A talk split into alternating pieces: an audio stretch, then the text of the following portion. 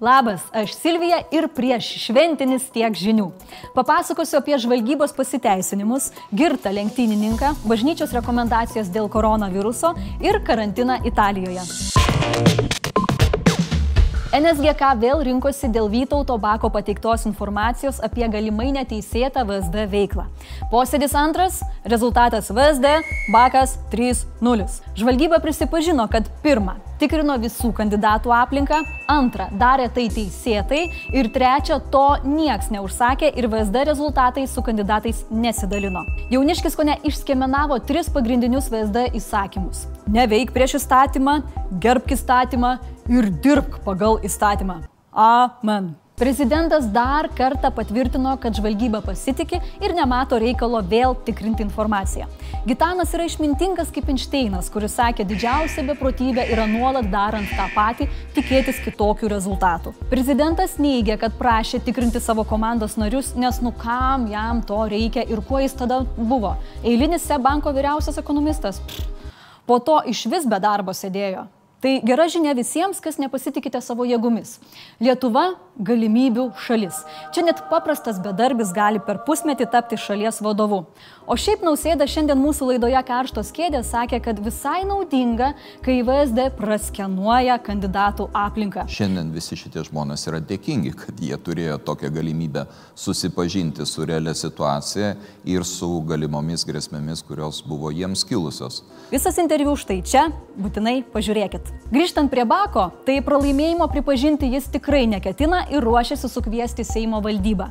Jeigu ir tai nepadės, eis pats rinkti parašų tyrimų komisijos sukūrimui. Panašu, kad Bakė dar yra degalų.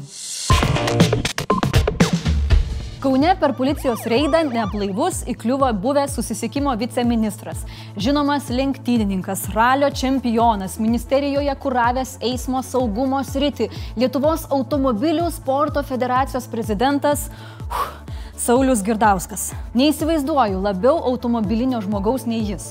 Jaučiu, jis net šiukšlės išmesti kieme kelis metrus važiuodavo su mašina. Jei kas būtų paklausęs, ką geria auto federacijos vadovas, būčiau sakiusi, kad tikrai benziną. Deja, Girdauskas savo škodą vairavo su 1,07 promilėmis alkoholio.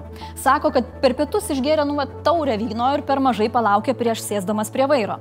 Girdauskui grėsia bauda iki 1100 eurų ir teisės vairuoti atimimas iki pusantrų metų. Gera naujiena ta, kad dabar išgėrus vyno jam nebereikės laukti, galės iškart pešiomis eiti. Bažnyčia ėmėsi koronaviruso prevencijos. Tikinčius ragina nebučiuoti kryžių ir kitų relikvijų. Gali pasikeisti ir apėgos. Dalindami šventą komuniją, dvasininkai turės mūvėti vienkartinės pirštinės ir paduoti ją į rankas. Mhm. Dar kurį laiką nebus ir švesto vandens. Viskupai visiškai vengti pamaldų nesiūlo, bet jei blogai jaučiatės, geriau melskitės namie. Dievulis tikrai nesupyks. Be to, raginama bažnyčioje pamačius žmogų su lygos simptomais, jam apie tai pasakyti. Nes visi žino, kad neįmanoma nusičiaudėti atsimerkus, o kai čiaudai užsimerkęs, nematai, kad čiaudai. Todėl tokiam žmogui reikia apie tai pasakyti. Tikiuosi, po tokių jokelių mane žaibas koks nenutrenks, ne?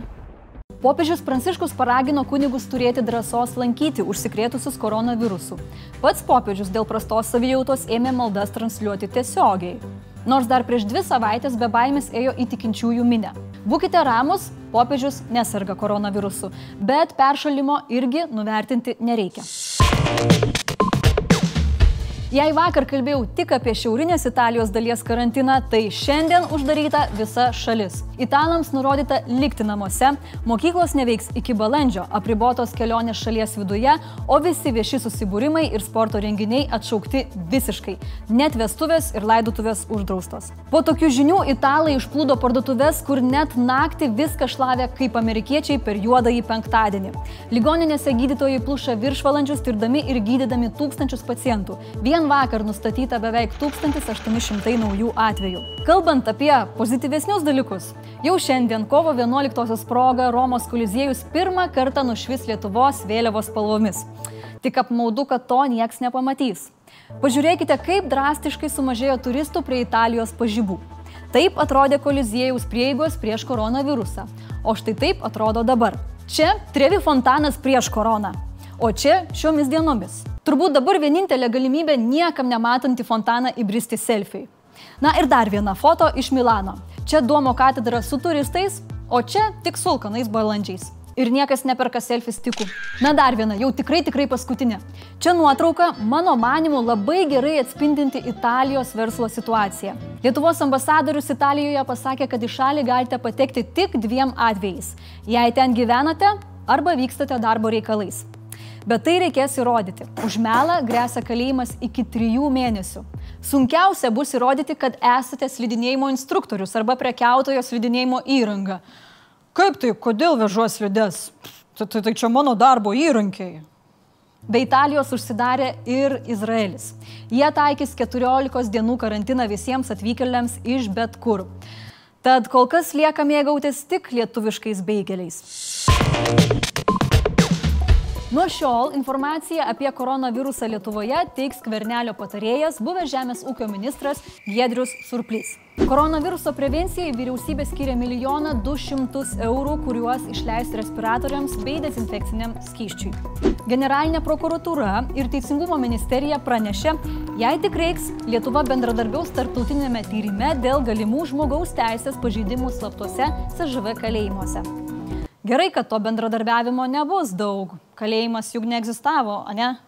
Ramūnas Karbauskis pranešė žinantis, ar skvernelis ves valstiečių sąrašą Seimo rinkimuose. Koks buvo premjero atsakymas, Ramūnas žurnalistams nesakė, o skvernelis sako, nieko jam nesakęs. Nu, nu vyrai, nu, nu vyrai, vyrai, nu koks čia vaikų darželis? Antradienio rytą į Vilniaus apeliacinį teismą paskambinęs vyras pranešė, kad pastatas užminuotas. Darbuotojai evakuoti, bet tik iš tų aukštų, kur yra apeliacinis teismas. Tame pačiame pastate esantis apygardos teismas dirbo kaip dirbęs. Nieko nenoriu kaltinti, bet man atrodo, aiškiai matosi, iš kurio teismo, oi, ta prasme, iš kurio aukšto, nu žodžiu, kas skambino.